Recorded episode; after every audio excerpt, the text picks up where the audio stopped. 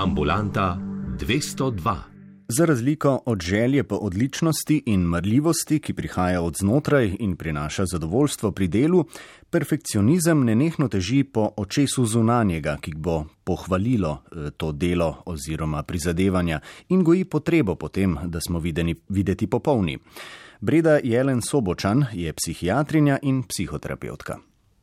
Ravno v tej definiciji, kaj je perfekcionizem in kaj je v bistvu marljivost, delovnost in to lahko vidimo pravzaprav pri zelo majhnih otrocih, otrokih, ki se pravzaprav trudijo čim bolj izpiliti neke veščine, neke danosti, ki jih imajo. Tako da ljudje imamo pravzaprav urojeno potrebo potem, da da, da se izpopolnjujemo, perfekcionizem v nasprotju od tega pa je pravzaprav gojenje ene potrebe potem, da uh, smo od zunaj videti, kot da smo preperfektni, od znotraj se pa pri teh ljudeh skriva marsikaj drugega. Mislim, da se nadrejeni zelo hitro ujamejo v past, ko se jim zdi, da je treba deloholike in perfekcioniste spodbujati in da so odlični za klimo, pa ni tako. Ne? Absolutno, perfekcionizem, eh, poleg tega, da je zelo eroziven za lastno duševno strukturo, popolnoma uničuje tudi odnose.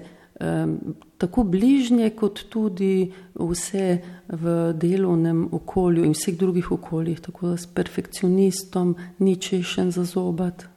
Kaj pa šolski sistem? Zdaj seveda se ne more prilagajati posameznikom, ne? ampak na nek način v, v nenehnem spodbujanju bodi boljši v iskanju napak tudi tlakuje pod perfekcionizmu. Ne? Absolutno je del tega konteksta, v katerem je zelo uh, težko uh, ostati brez odnosa do narcisistične in perfekcionistične drže.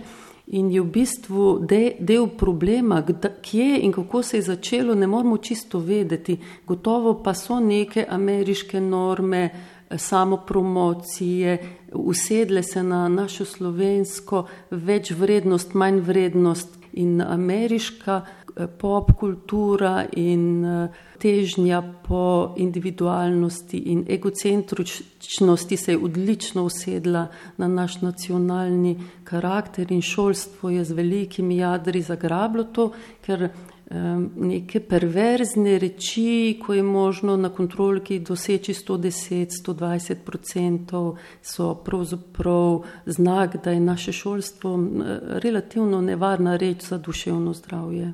Zdaj, perfekcionizem najbrž ni klasificiran kot motnja.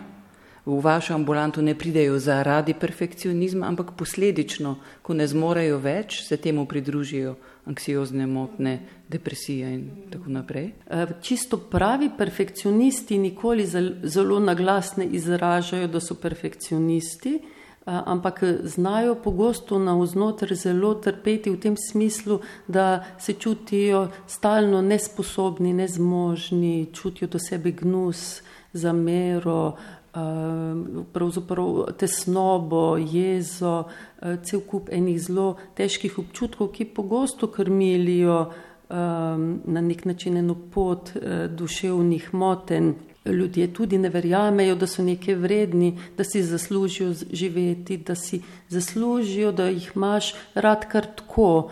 Perfekcionizem, deloholizem se mi zdi, da že postaja vrednota. A perfekcionizem mu že sledi?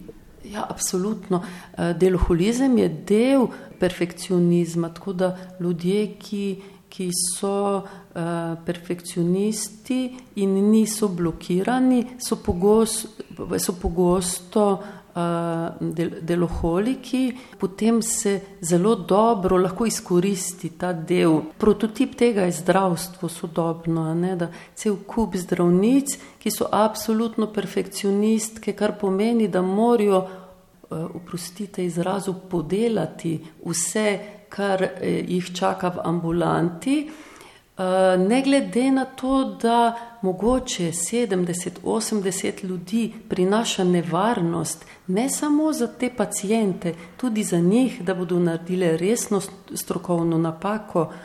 Uh, in ko cel sistem že 20 let pristaja na to in uh, zdravstvena politika ugotavlja, da so še vedno rezerve, če jih lahko naredijo 70, jih mogoče lahko tudi 90. In uh, ko bi pacijenti morali na ceste in protestirati, da imajo preslabo pravzaprav v skrbo zaradi tega, ker njihove zdravnice nimajo zadošč časa za njih, ne, ker ne bi hotele sedeti z njimi, se pa ponudi slika tistega drugega dela zdravnika, se pravi perfekcionista, tista narcisistična od ljudi ločena, vzvišena podoba nekoga, ki ni pripravljen vstopiti v odnose, ki je že zdavne pozabil znotraj sebe bolnika, ki ga nosi vsak od nas zdravnikov, ker smrtna postelja nas čaka vse, ne glede na to, kaj in kako počnemo neke stvari. In ko se ta narcisistična slika eh, zaslužkarjev in zvišenih zdravnikov ponudi javnosti, to vzbudi seveda veliko gneva in se pozabi na vse tiste druge, ki na svojih ramenih, perfekcionističnih, odnašajo pravzaprav zelo veliko breme celega sistema. Ambulanta 202. Če si perfekcionist, imaš od znotraj enega takega strogega cenzorja, ki ne pretrgoma ocenjuje, kako daleč si od uspešnosti in je v bistvu izjemno kritičen. Kritičn, notranja kritičnost, ki ne zna vrednotiti tvoje realne pozicije v odnosu do dela, do delodajalcev, do zahtev, ti onemogoča, da bi pravzaprav lahko ubranil svojo strokovnost. To se je zgodilo zdravnikom, učiteljem in še komu.